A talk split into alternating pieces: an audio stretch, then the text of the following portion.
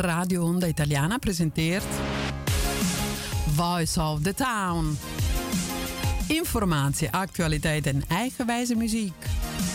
Over woensdagavond vanaf 8 tot 9. Met Silvia Terribili. Voice of the Town.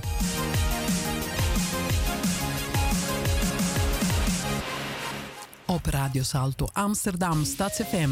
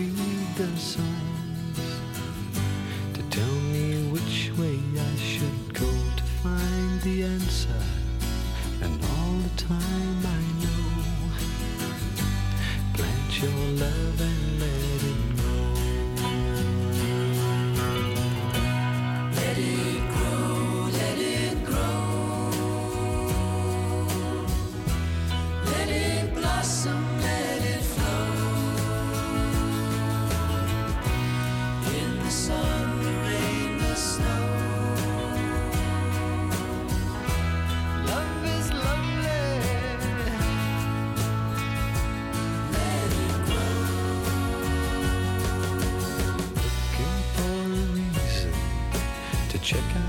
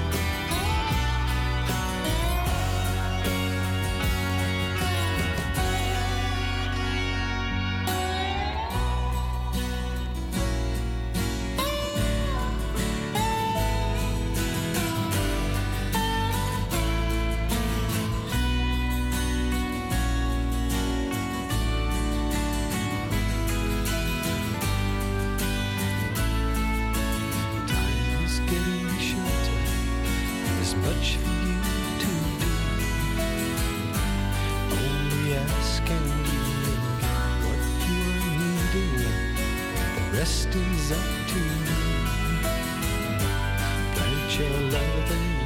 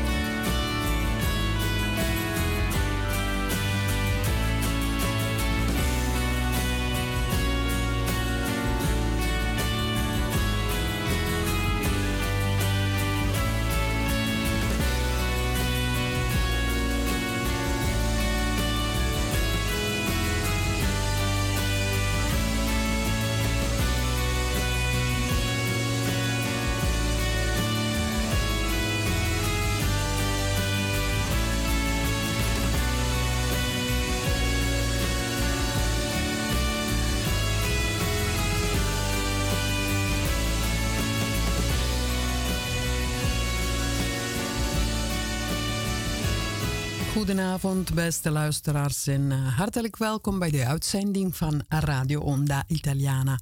Dit is Voice of the Town en uh, vanavond in de studio Silvia Terribili, zoals iedere woensdagavond van 8 tot 9. En vanavond hebben wij ook een gast. En uh, dat is Agnes Kant. Zij is directeur van het LAREP. Dat is het instituut, het officiële instituut die bijwerkingen van medicijnen en vaccins onderzoekt en rapporteert. Het is een officiële orgaan. Uh, zij produceren ook materiaal. Uh, ze hebben ook een website waar je alle informatie kan vinden over uh, wat gevonden is aan bijwerkingen. En we hebben natuurlijk vanavond aandacht voor het thema. Dat zijn de, de bijwerkingen van, het, van de coronavaccins. Want er, is zo, er zijn zoveel vragen over. En er is ook veel informatie die uh, natuurlijk, ja, uh, waarbij je twijfel, twijfels gaat trekken. En uh, het is een nieuw, dat zijn nieuwe vaccins. Ze zijn gebaseerd op mRNA. Dat is een genetisch gemodificeerd iets. Dus we willen graag daar meer over weten. Ik heb een heleboel vragen gesteld aan Agnes Kant. En zij heeft haar reactie hierop gegeven. Natuurlijk, sommige vragen bleven helaas um, een beetje hangen. Want ja, ze was zelf niet deskundig op dat terrein. En dat nemen we aan. Die, die vragen blijven natuurlijk wel.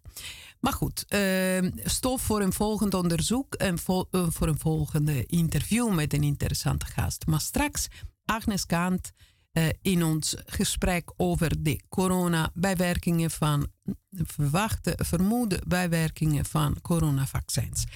Uh, we zijn begonnen met Eric Clapton in Let It Grow en dit is Toi et moi ma liberté.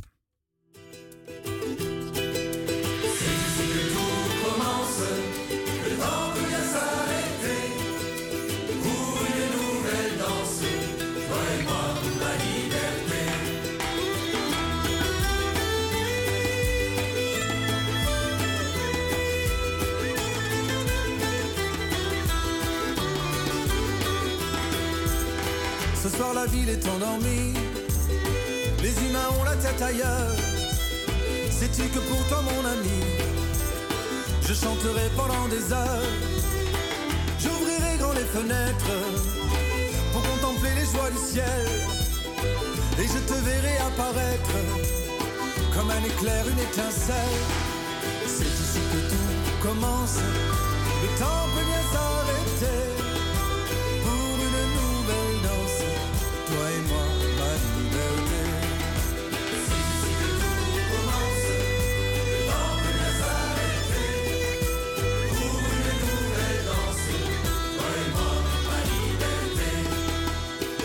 Derrière les murs et les façades et les discours de circonstance, quelques imprudences évadent, s'affranchissant des convenances. Et les voilà qui nous rejoignent, comme dans un grand bal populaire. Sens-tu nos peines qui s'éloignent Demain sera plus beau qu'hier. C'est ici que tout commence. Le temps peut bien s'arrêter.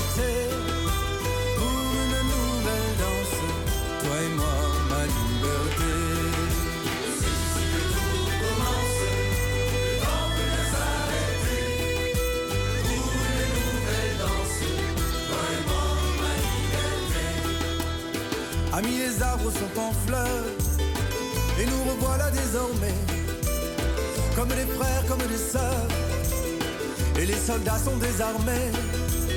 Nous dansons pieds nus sur la terre sur le toit du monde.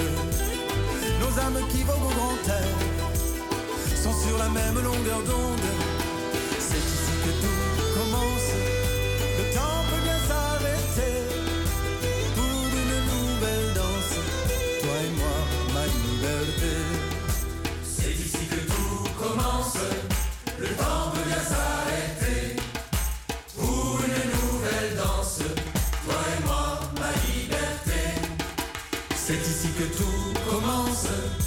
Peut bien s'arrêter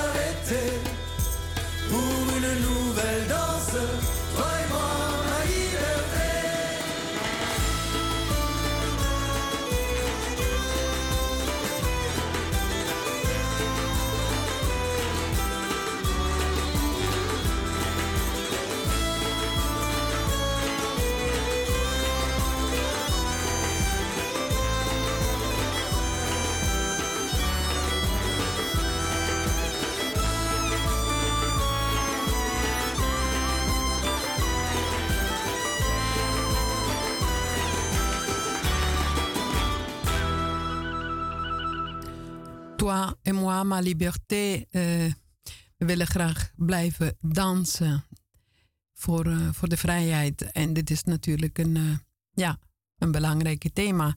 In deze dagen vrijheid, democratie, mensenrechten, recht op vrij kunnen bewegen, recht op vrij kunnen beslissen over je eigen lichaam, over de medicijnen die je inneemt of niet. Uh, we moeten niet vergeten dat uh, door deze twee jaren pandemie in heel Europa er zijn maatregelen genomen. Sommige maatregelen blijven nog steeds. Um, fundamentele mensenrechten zijn gewoon ingeperkt, beperkt. In sommige landen, zoals Italië, um, bestaat er nu een plicht om te vaccineren voor bepaalde um, mensen vanaf 50 jaar bijvoorbeeld, of voor bepaalde beroepen. Dat is gewoon verplicht innemen van medicijnen. Dat, dat is iets wat, wat botst totaal tegen het idee van democratie en fundamentele mensenrechten. Dus vandaar uh, dit liedje en ook de, de nummers die HK eh, gemaakt heeft uh, over de vrijheid. En vrij kunnen dansen, zich vrij kunnen uiten, contact met mensen blijven houden en gewoon mensenrechten behouden. Ook in onze zogenaamde democratisch eh, Europa. Maar ja, we gaan over tot het thema van de dag. Eh, dat zijn eh, de bijwerkingen of mogelijke of vermoede bijwerkingen van vaccins. We hebben daar veel vragen over en terecht. Omdat de macht van multinationale bedrijven enorm is. deze macht overstijgt de macht van regeringen. We hebben het gevoel dat wij echt gewoon een beetje gegijzeld worden door deze multinationals. En ja, we hebben vragen en op die vragen komt er niet altijd een antwoord. Maar goed, we hebben heel veel vragen gesteld aan Agnes Kant en zij is zo vriendelijk uh, geweest om ons te woord te staan en, um, in een lange interview. Dus we gaan over tot uh, het interview met Agnes Kant. Uh, die, die laat ik zo draaien. Goedenavond, beste luisteraars. En we hebben aan de lijn Agnes Kant. goedenavond, welkom. kan je misschien heel kort jezelf presenteren? Ja, goedenavond. Uh, ik ben Agnes Kant. Ik ben uh, de directeur van het bijwerkingencentrum LAREP. Ja. En wat doet het uh, centrum? Wat, wat is de voornaamste taak van, van dit centrum? Ja, het bijwerkingscentrum LAREP is het meld- en kenniscentrum over bijwerkingen van geneesmiddelen en vaccins. En naast dat wij informatie geven over uh, uh, bijwerkingen, kan je bij ons ook vermoedens van bijwerkingen melden. En op basis van die meldingen, uh, ja, kijk, kunnen wij nieuwe kennis ontdekken over bijwerkingen van geneesmiddelen en dus ook van vaccins. Ja, ja. vanavond gaan we het hebben over ja, de coronavaccinatie, het thema. Ja. Ik had heel veel vragen, maar ja, sommige vragen zijn misschien niet uh, relevant of, vallen buiten uh, je terrein. Dus je mag gewoon rustig zeggen dat, dat je dat onderwerp uh, ja, niet, niet aankaart. Ik ben geïnteresseerd in ja, de zaken die je, die je goed kent en bestudeerd hebt. op, het, op de site lees ik dat overlijden na vaccinatie betekent niet dat een bijwerking van het vaccin de oorzaak is van het overlijden. Mijn vraag is, hoe kom je te weten of het overlijden door vaccinatie kwam of niet? Ja, dat, dat is een hele goede vraag. Om te beginnen, um, kijk, mensen kunnen vermoedens van uh, bijwerking bij ons melden. Het is ook heel belangrijk dat mensen dat doen. Uh, want een vermoeden wil dus nog niet zo zeggen dat het ook een relatie ligt met het vaccin. Maar doordat veel mensen vermoedens bij ons melden. Dat kan een patiënt zijn, uh, maar dat kan ook een, uh, nabestaande zijn. Dat kan ook een zorgverlener zijn. komen die vermoedens bij, bij ons bij elkaar. En doordat wij gaan kijken en analyses doen van die meldingen van vermoedens, kan het zijn dat wij tot het inzicht komen: hé, hey, hier is mogelijk sprake van een nieuwe bijwerkingen die we nog niet, nog niet kenden. Dus, dus het feit dat het een vermoeden is die vermeld kan worden, wil dus niet zeggen dat het ook altijd is niet allebei, alles wat gemeld wordt is ook daadwerkelijk een, een bijwerking. Hoe onderzoeken wij nou? Hè? Hoe kijken wij er nou naar? Uh, nou, het is zelden zo dat wij uh, op basis van, van de melding kunnen zeggen van nou, uh, dit is wel of niet helemaal zeker een bijwerking, maar het is totaalplaatjes van een groep meldingen op basis waarvan wij tot de conclusie kunnen komen, hier is wel of niet sprake van een, van een bijwerking. En zo ontdekken we dus nieuwe dingen. Dus het is niet zo dat van alles wat er gemeld is, er een conclusie komt, dit is, is wel of geen melding. Er kan een conclusie komen op basis van het totaalplaatje van meldingen, dat iets wel of niet een, eh, een bijwerking is. Ja, maar wordt er systematisch onderzoek naar de oorzaak gedaan of alleen in sommige gevallen?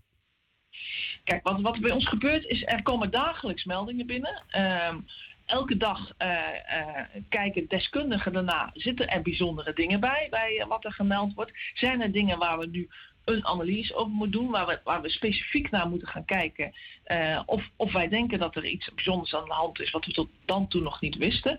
En dan gaan we naar die meldingen kijken. Dan gaan we bijvoorbeeld naar zo'n groepje meldingen kijken van dit is allemaal gemeld op dit moment. Uh, ja, is dit, is dit wel of niet een, een bijwerking? Ik ga een voorbeeld geven, dat praat altijd het makkelijkst.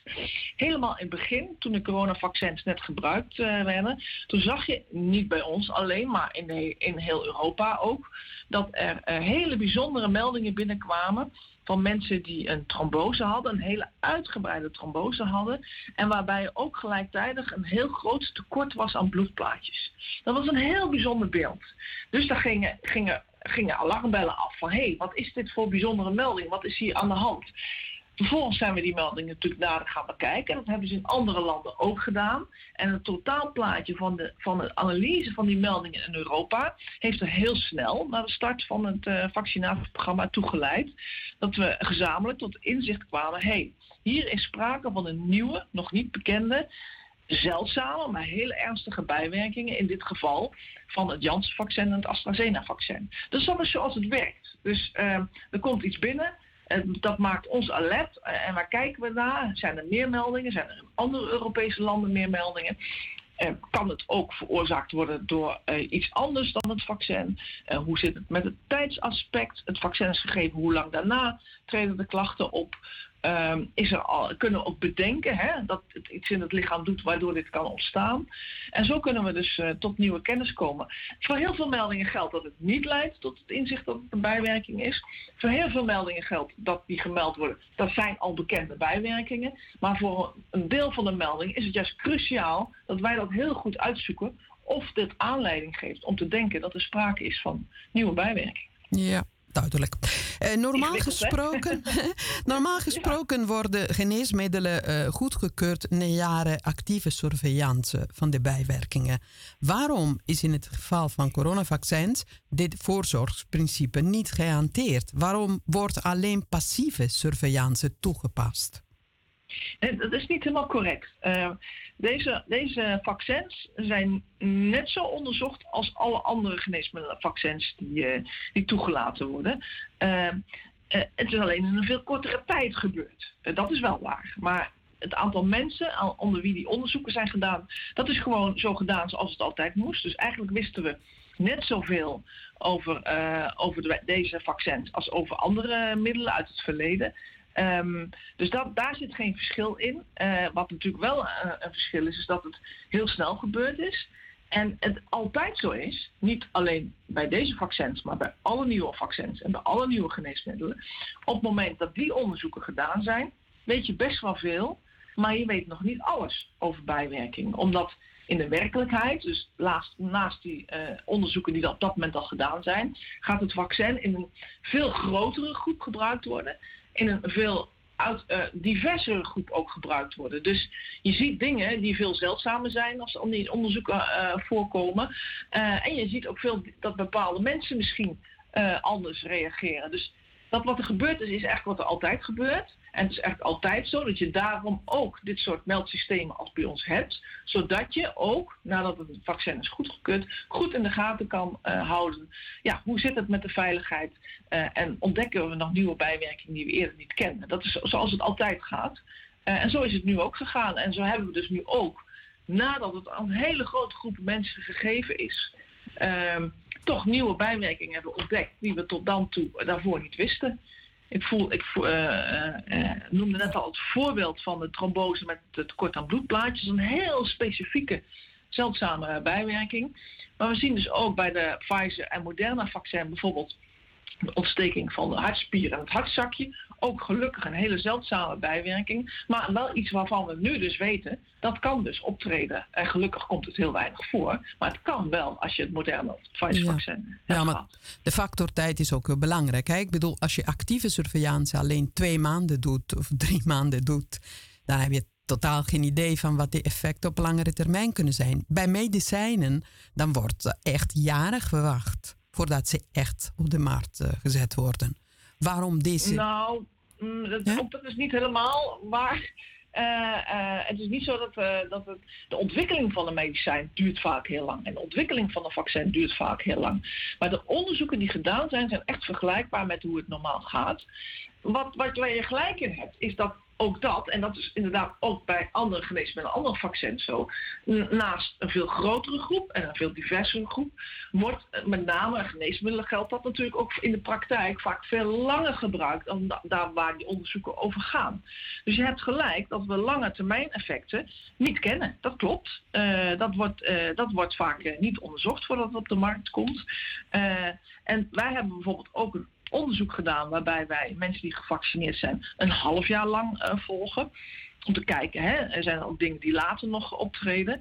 Uh, en ook is het zo dat het melden blijft natuurlijk. Dus als er dingen zijn die mensen later krijgen en waarvan zij nog steeds het vermoeden hebben van ja, misschien komt dit toch wel door het vaccin, dan is het ook de bedoeling dat mensen dat vooral blijven melden bij ons. Want ook dat soort dingen kunnen we later nog wel ontdekken. Dat kan heel wel. Net zoals we andere bijwerkingen nu opnieuw nieuw, nu voor het eerst ontdekt hebben. Ja, want we hebben ook te maken met. voor de hand hoor bij vaccins. Dat wil ik er wel bij zeggen. Bij vaccins, kijk, een vaccinatie die geef je op dat moment doet het iets in je lichaam. Uh, het zet je immuunsysteem aan, het werk. Dus het is niet te verwachten dat je dan uh, effecten krijgt die pas veel later. Uh, dat, je pas veel later daar gevolgen van ondervindt. Dat, dat, ligt veel meer voor de hand dat iets vrij snel na vaccinatie gebeurt. Bij geneesmiddelen is natuurlijk het grote verschil dat sommige mensen geneesmiddelen jarenlang gebruiken. Dus dan heb je veel meer, het, veel meer de kans dat er uh, langere termijn effecten worden gevonden, omdat de mensen geneesmiddelen veel langer gebruiken dan, dan in die onderzoeken die gedaan worden voordat een geneesmiddel wordt goedgekeurd. Maar uitsluiten kun je het nooit. Dus het kan best zijn, net zoals we nu ook allerlei nieuwe bijwerkingen hebben ontdekt van deze vaccinaties, dat we ook nog lange termijn bijwerkingen gaan ontdekken van deze vaccinatie. Ik verwacht het niet, maar bij Laren, bij Laren, zijn wij ook altijd alert op het onverwachte. Ja, maar in met de coronavaccinatie heb je dat in feite ook. Want in principe, je doet drie keer per jaar doe je zo'n uh, zo'n vaccin. Bestaat er niet een risico van accumulatie van uh, die nanodeeltjes die in het lichaam blijven, blijven zitten? Misschien zijn nou, ze niet meer werkzaam tegen het virus. Maar ja, ze blijven zitten. Wel, u zegt er wel heel veel in één zin. U zegt nanodeeltjes die in het lichaam blijven zitten. Dat is niet, niet volgens mij zoals het is. Maar los van dat, uh, de vraag is uh, inderdaad, kan het lange termijn en kan het. Dat is ook iets waar wij naar kijken. Uh, wij vragen mensen ook, heeft u eerder vaccinatie gehad? Heeft u daar ook bijwerking gehad? Dat zijn ook dingen waar wij goed naar kijken. Uh, en je ziet bijvoorbeeld, um, zeg maar, de, de, de bekende bijwerking. Hè? Want als je immuunsysteem aan de gang wordt gezet, dan, dan, dan krijgen heel veel mensen uh, krijgen koorts, hoofdpijn, voelen zich even niet lekker. Uh, dat zijn de bekende bijwerkingen die, waarvan je ook verwacht dat ze optreden na vaccinatie. Daar hebben we bijvoorbeeld gezien dat bij het ene vaccin dat uh, vooral naar de eerste prik was en bij het andere vaccin dat juist meer naar de tweede prik is. Dus daar zie je inderdaad ook wel, wel verschillen in. Ehm, dus dat kan, dat kan inderdaad. Dat dat verschillend is. Het is niet zo dat de kans steeds groter wordt op, op bijwerkingen. Uh, maar er zijn wel dingen waar we heel goed naar kijken. Wat we bijvoorbeeld ook gezien hebben, dat is ons echt opgevallen. Daar, uh, daar, daar waren we mee in het nieuws een paar weken geleden. Dat is na de derde prik, dus na die, die booster, dus de derde prik die mensen gehad hebben, dat er relatief best veel mensen last hadden van, uh, van zwellingen van uh, klieren, bijvoorbeeld in, in de oksel. Dat is ook niet iets onverwacht. Dat is een Pas na de derde, bedoel je? Maar na de derde prik, omdat het lichaam dan toch, ja, het woord booster zegt dat al een beetje, een, een andere wat extra impuls krijgt van het immuunsysteem, wat ook de bedoeling is. Uh, zien we dan toch inderdaad ook, ook dat bepaalde bijwerkingen dan meer opvallen. En dit is dus iets wat met name na de boostervaccinatie uh, ons is opgevallen. Wat ook na de eerste en tweede prik voorkomt. Maar waarvan we echt sterk de indruk hebben dat de klachten die mensen na de derde prik uh, van die gezwollen lymfeklieren ervaren, dat het, dat het ja, heftiger is en, en ook relatief vaker gemeld wordt bij ons. Ja, uh, als we praten over actieve surveillance, um, ja, het over de periode van de trials. Uh, of heb je het ook over die, ja, want we hebben die trials, zeg maar, die zijn uitgevoerd door de uh, farmaceutische bedrijven. Ja. En dan hebben wij de experimentatie, zeg maar, op het veld. En is er daar ook een actieve surveillance? Want dat. dat ja, ik had begrepen dat het passief was. Dat het besloten was om het passief te doen. Nee, nee, nee. nee, nee. Het, ja, het woord actief en passief vind ik altijd een beetje verwarrend. uh, want er wordt bijvoorbeeld gezegd, hè, de meldingen die wij ontvangen, dat is dan passief, wordt dat genoemd. Maar vanuit de melder die een melding stuurt naar ons, vind ik het heel actief. Die let namelijk heel goed op en, en die, die is zo alert om het bij ons te melden. Dus vind ik, een beetje, ik vind die woorden een beetje, een beetje gek. Maar wat je, wat je bedoelt is dat je afwacht of iemand iets meldt. In die zin is het, is het uh, misschien passief. Maar dat, die spontane meldsystemen, die zijn wel cruciaal in het ontdekken van nieuwe dingen. Dus die zijn wel heel erg belangrijk. Dus daarom heb ik wat moeite met het woord passief, want het lijkt alsof het niet zinnig is of, of niet zo zinvol is. Actief wordt dan vaak bedoeld of, of je ook uh, andere manieren doet van onderzoek om het in de gaten te houden. Dat is wat wij ook gedaan hebben. Wij hebben in Nederland zo'n 30.000 mensen gevraagd of die doen mee met een, met een vragenlijstonderzoek. Dus die, die vragen wij dan om de zoveel tijd na de vaccinatie, tot en met een half jaar na de vaccinatie. Heeft u bijwerkingen ervaren? En ook hoe lang duurde die en gingen die over? En ook bij dat vragen we dus een half jaar lang na, na de vaccinatie. Dus dat hebben we ook gedaan. En dat hebben wij niet alleen gedaan. Daar werken we ook samen in Europa met nog vijf andere landen. Die daar gezamenlijk ook naar kijken. Zodat ze ook die gegevens bij elkaar kunnen voegen. Om, om, uh, om een beeld te hebben hoe vaak komt nou uh, iets ook voor na vaccinatie. Want dat is het voordeel als je een groep volgt. Hè, dan, dan heb je een groep van 30.000 mensen. En dan kan je ook zeggen, en zoveel mensen daarvan heb, hebben dit ervaren. Dus dan kan je ook aangeven hoe vaak iets voorkomt. Want dat is iets wat wij op basis van de meldingen natuurlijk niet kunnen. Uh, uh, het wordt gemeld, maar niet alles wordt gemeld. En niet alles wat gemeld is, is het bijwerkingen. Dus daar kunnen wij dat soort conclusies niet aan verbinden. En dat kunnen we bij zo'n zo'n zo vragenlijstonderzoek kunnen we daar meer inzicht in geven. Ja, en wat is uitgekomen uit uh, dat onderzoek? Van, nou, van, dingen die daar, dat, dit moeten we nog analyseren, maar een aantal dingen die er wel duidelijk, uh, heel veel bijzondere dingen zijn daar niet opgevallen, want dan hadden we natuurlijk al lang aan de bel getrokken, dat snap je.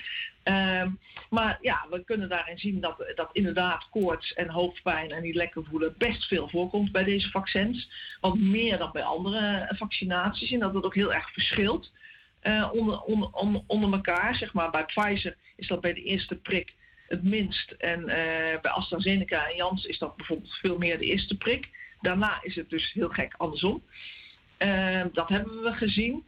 Uh, maar, maar, en verder zien we niet heel veel ernstige bijwerking, omdat die natuurlijk gelukkig heel zeldzaam zijn. Hè? Dus dat, dat is wel wat je daar op basis kan zien. Dus uh, dingen komen die we wel kennen, zoals die ontsteking van het hartzakje en hartspier, die komen natuurlijk relatief weinig voor. Dus als het heel veel voorgekomen was, dan hadden we dat absoluut gezien in, in dat, uh, in dat uh, onderzoek. Ja, tot nu toe zijn er volgens uw site 4900 ernstige bijwerkingen gemeld. Dus van alle vaccins bij elkaar.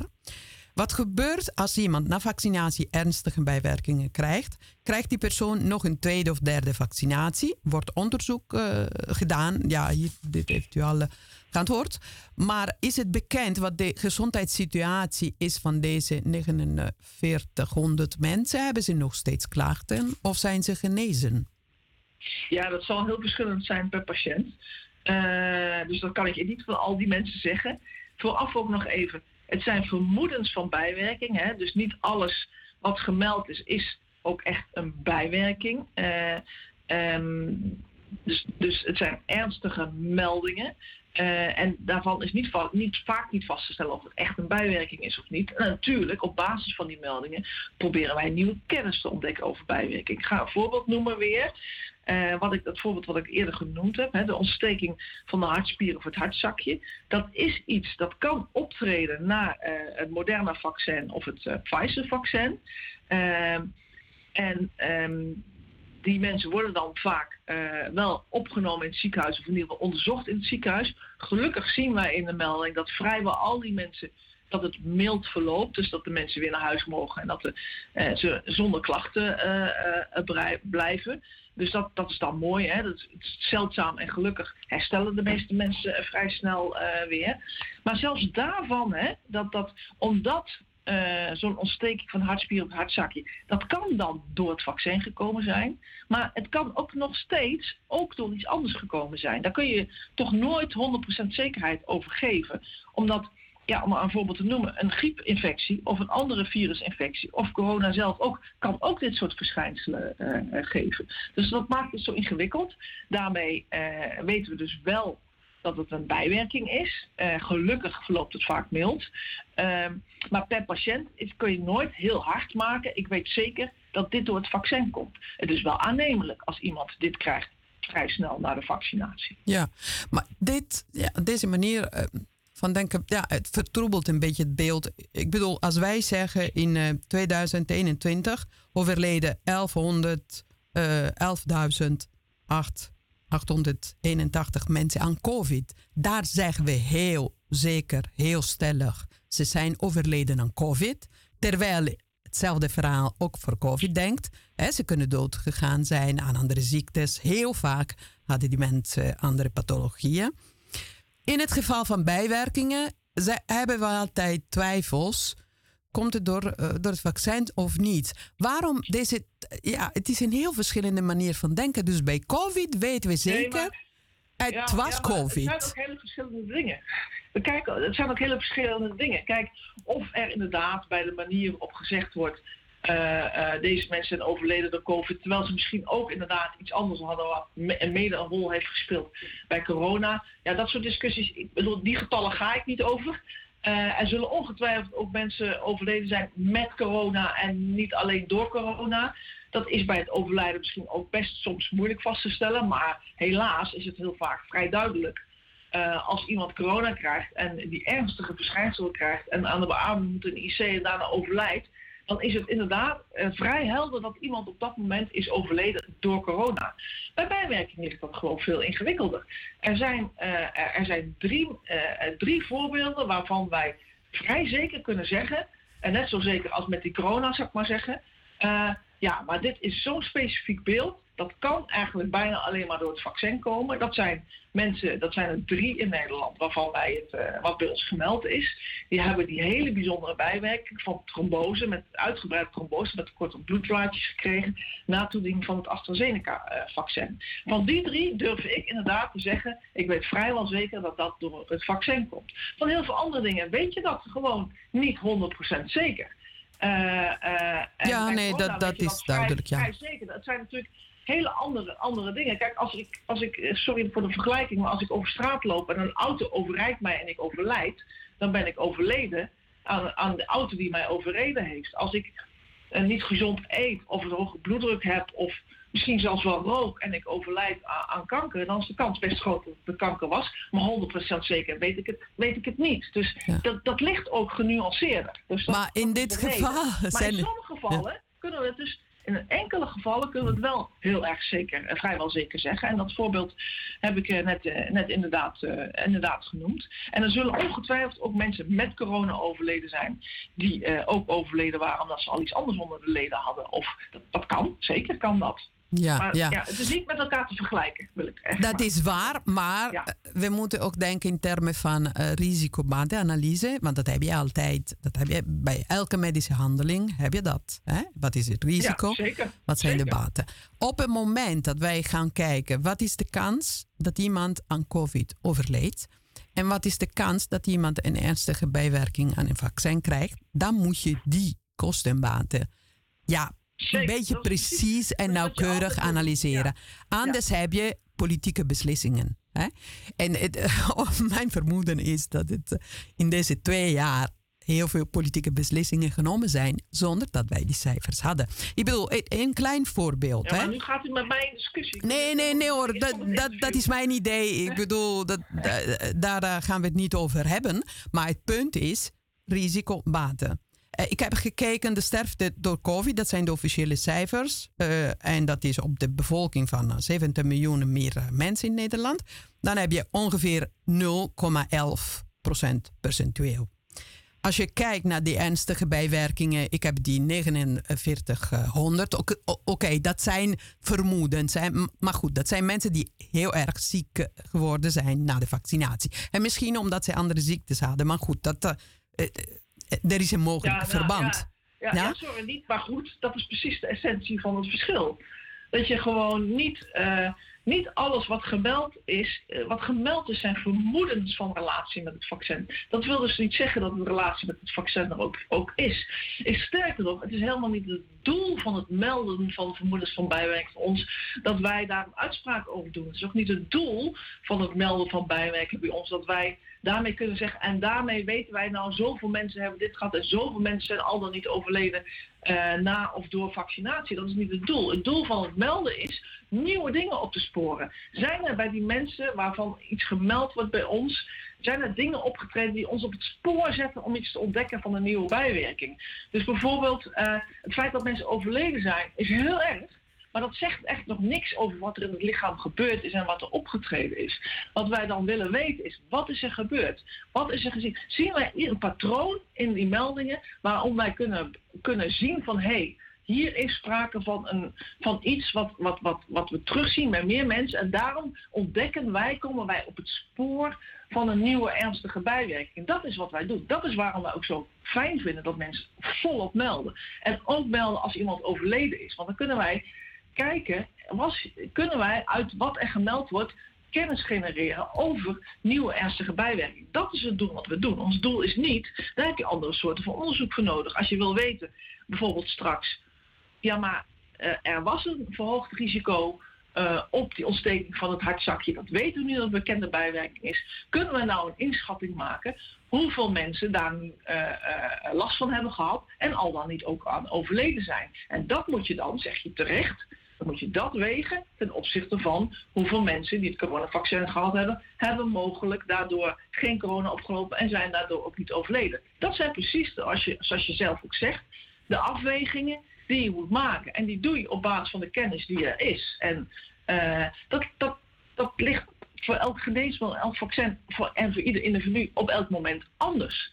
En totaal is natuurlijk nu de afweging gemaakt uh, omdat corona, uh, zeker die ernstige varianten, dat je daar heel erg ziek van kan worden en aan kan overlijden. Dat, dat het al snel zo is dat, uh, dat de voordelen van de vaccinatie groter zijn dan de nadelen. Dat is het algemene wetenschappelijke beeld. Dat wil niet zeggen dat ik niet vind dat iedereen daar vooral zijn eigen afweging moet maken op basis van de kennis die er is. Ja. Dat moet iedereen helemaal voor zichzelf weten. Ja. Uh, onder de ernstige bijwerkingen is ook een uh, verminderde vruchtbaarheid uh, geconstateerd. Ja, u, u concludeert in plaats van dat u mij vraagt. Nee, het is een. nee, nee, nee, oké. Okay, dat, ja, dat verhaal dat, is onjuist. is duidelijk. Dit is onjuist. Het, is er geen, totaal geen verminderde vruchtbaarheid geconstateerd? Nee, er zijn onderzoeken okay. gedaan. Hm. Er zijn onderzoeken gedaan van vrouwen die zwanger wilden worden. En of het langer duurde als ze zwanger wilden worden, als ze wel of geen coronavaccin hadden gehad. En dat blijkt dus niet dat het tot onvruchtbaarheid uh, leidt.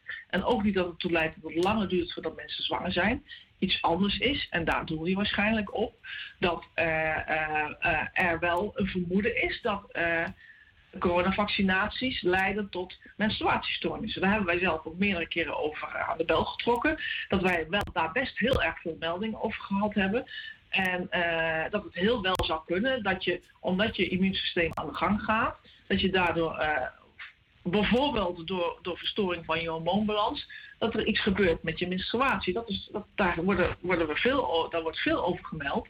Dus dat zou heel wel kunnen en dat wordt nu ook uh, nader onderzocht. Maar dat wil dus niet zeggen, dat is echt iets anders, of dat je wel of niet vruchtbaar bent. Dat, dat menstruatiestoornissen kunnen ook door griep komen, ook door andere ziektes komen. Is het bekend dat dat iets is wat kan optreden uh, na infecties. Dus het zou inderdaad ook best kunnen uh, dat dat ook kan na een vaccinatie. En dat wordt dus daarom nu, uh, nu beter uitgezocht. Maar nogmaals, uh, dat wil dus niet zeggen dat, dat je daar onvruchtbaar van wordt. Dat is echt onjuist. Ja, er zijn begin dit jaar zijn er duizenden menstruatieklachten na vaccinatie vermeld. Is het bekend of deze klachten verdwenen zijn na een tijd? Wordt dit bijgehouden? Ja, wat we gedaan hebben is, wij hebben bij een deel van die mensen hebben we ook uh, later, want het melden gebeurt op een bepaald moment. Hè? Dan meld je ons wat je tot dan toe, uh, het beeld van wat je ervaren hebt.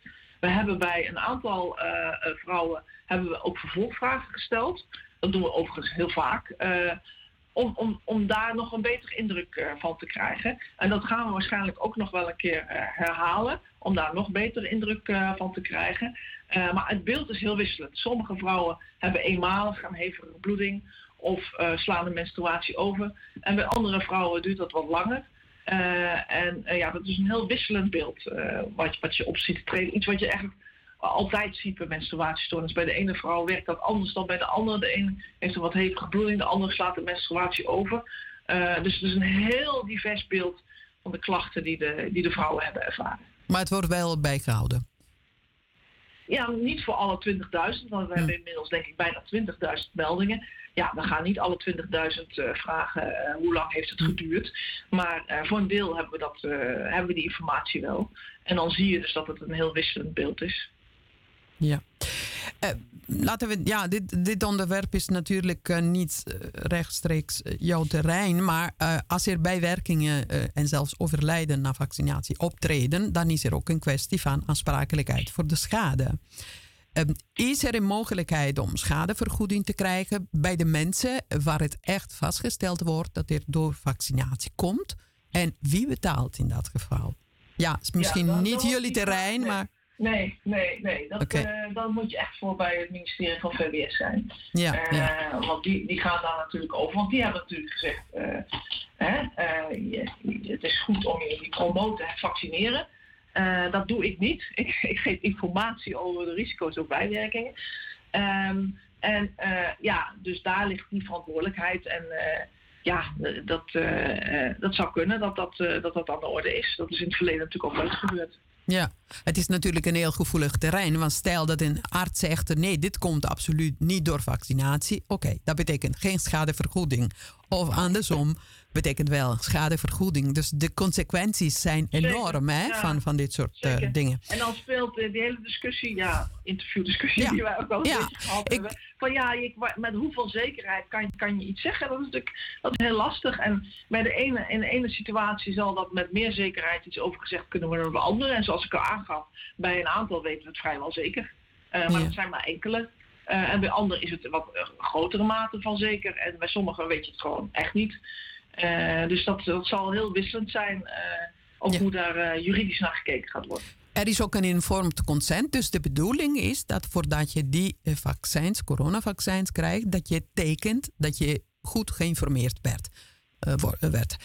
gebeurt dit regelmatig? voor zover je weet? Ja, misschien weet je dat niet. Of... Ja, ik weet niet, maar ik snap je vraag niet helemaal. als je een, vaccin, een coronavaccin krijgt, een injectie, dan is het bij de wet verplicht om een informed consent te tekenen. Dus dat je... En volgens mij haal je die twee dingen door elkaar. Want oh. dat is als geneesmiddelen niet goedgekeurd zijn. Uh, nee, maar dit moet sowieso. Nee, Info... waar je informed consent voor geeft, is om je uh, vaccinegegevens uh, te laten registreren. Nee, het is ook dat. Ja, volgens mij is het dat je goed geïnformeerd bent over de mogelijke schade en bijwerkingen. Dat moet nee, je tekenen. Nee, nee, nee echt niet? Ik, ik, heb zelf drie vaccins gehaald. Uh, ja. En uh, waar ik voor getekend heb, is uh, dat de gegevens opgeslagen mogen worden over mijn vaccinaties. Ja, ja. Is er een voorbeeld van zo'n informed consent? Uh... Het gebeurt wel hoor, wat je zegt. Dus het is, uh, je had denk ik twee dingen door elkaar. Maar het, is wel iets wat voorkomt inderdaad.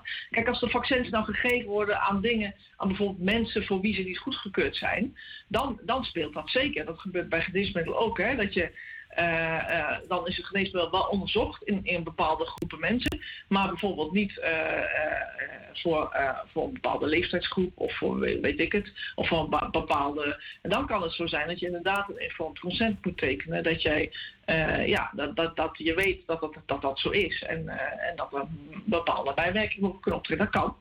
Maar dat is in dit geval niet, is, dit, is, dat, is dat niet aan de orde, want het geneesmiddel is gewoon goedgekeurd. En het vaccin is ook gewoon goedgekeurd. Ja, het is een, uh, een noodtoelating, uh, zeg maar. Hè? Het is een noodtoelating op de markt, omdat er een, een noodsituatie was. Het is, het is niet echt goedgekeurd. Het is, uh, nee, het is ja, ja, nee, conditionally. Zeker, zeker. Maar dat is zo. Maar de conditional wil zeggen dat er nog meer onderzoeksgegevens moeten gaan komen. Maar dat wil niet zeggen dat het niet goedgekeurd is. Dat is wel goedgekeurd. Hm.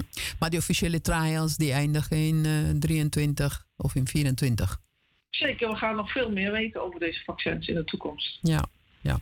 Uh, nou, dan had ik een aantal vragen over de werking van dit mRNA. Want daar was ik heel erg benieuwd naar. Maar ik weet niet of het uh, je terrein is. Want de vraag is. Eigenlijk niet, maar kijk, kijk hoe ver ik kom.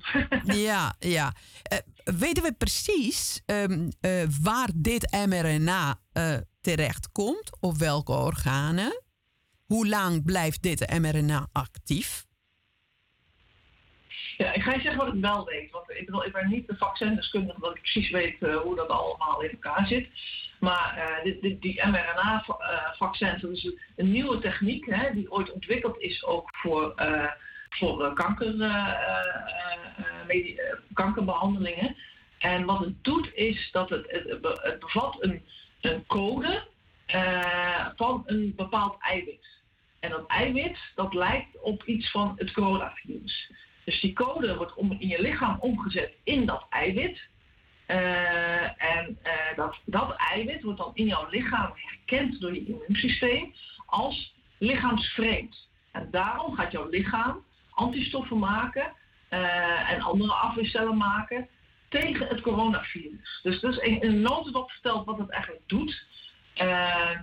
En dat heeft dus niks met DNA te maken. mRNA heeft, heeft, uh, heeft niks te maken met, met, met, DNA. Het is een techniek die gebruikt wordt om, uh, om, die, om die eiwitten in je eigen lichaam te laten maken. En die eiwitten die worden ook vervolgens gewoon weer, weer afgevoerd. Dus dat, dat is, ja, ik hoop dat ik een beetje uitgelegd heb hoe ik, voor zover ik weet hoe het zit, ja, hoe het ja. in elkaar zit. Het mRNA dringt door in een cel dankzij de verpakking in nanolipide bolletjes. Want normaal dan zou het meteen afgestoten worden. Maar nu wordt hij ingepakt in deze vetbolletjes. Dit is wat ik er je over kan vertellen. Okay. voor zover mijn kennis reikt uh, ja. uh, over hoe het precies werkt. Ja, maar ja, dit, dit, dit, is.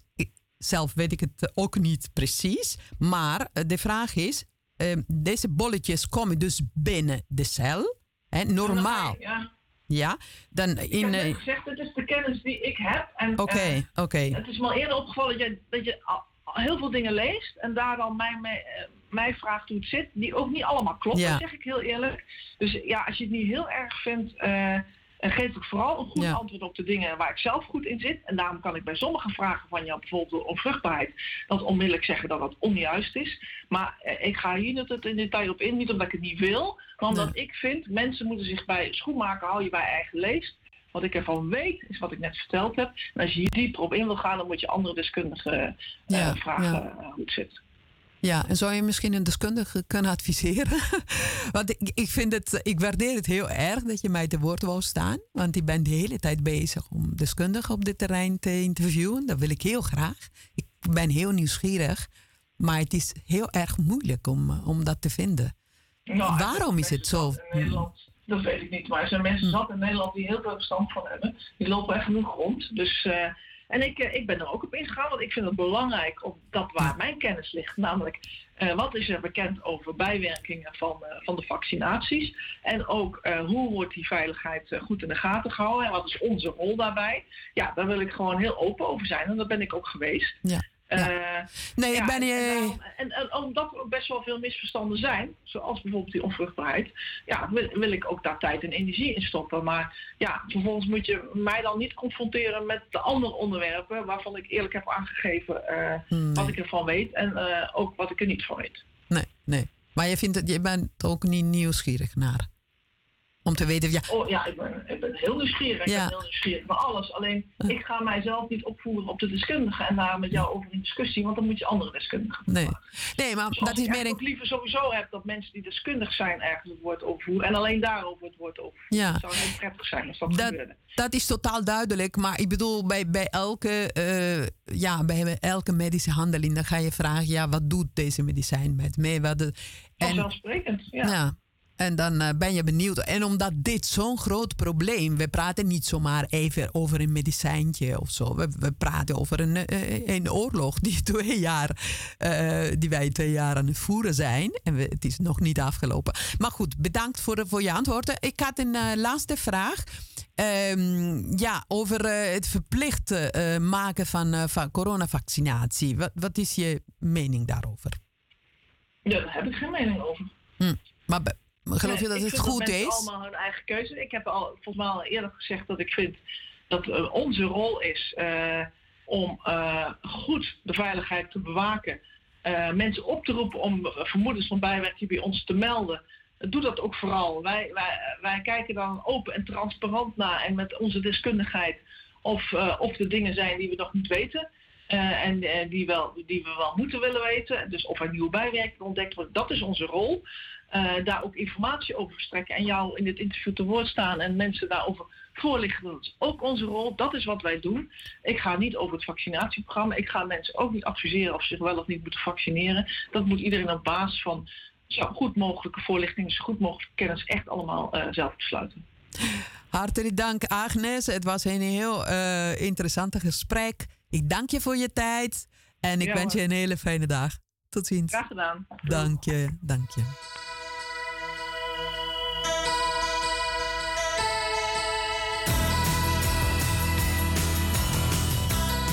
En verder Agnes Kant in de studio in een interview. Zij is directeur van het eh, Centrum LAREB die bijwerkingen van onder andere vaccins onderzoekt en rapporteert. Nogmaals dank aan eh, Agnes Kant voor haar eh, bereidwilligheid om ons te woord te staan. Dit was Voice of the Town op Radio Salto Amsterdam, Stads FM met Sylvia Terribili. Iedere woensdagavond vanaf 8 tot 9. Bedankt voor jullie aandacht en ik zou zeggen graag tot de volgende keer.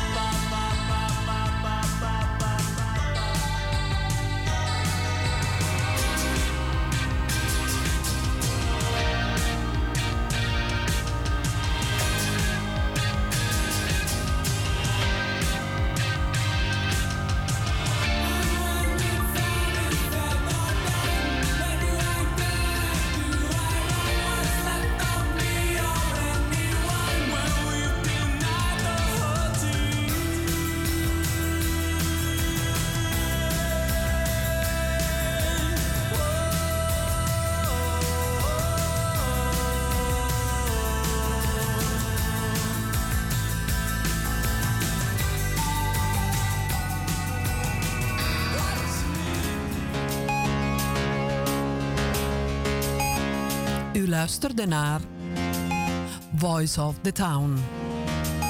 Een programma van Silvia Terribili. Op Radio Salto Amsterdam StadsFM. Iedere woensdagavond van 8 tot 9. Dank voor jullie aandacht en graag tot de volgende keer.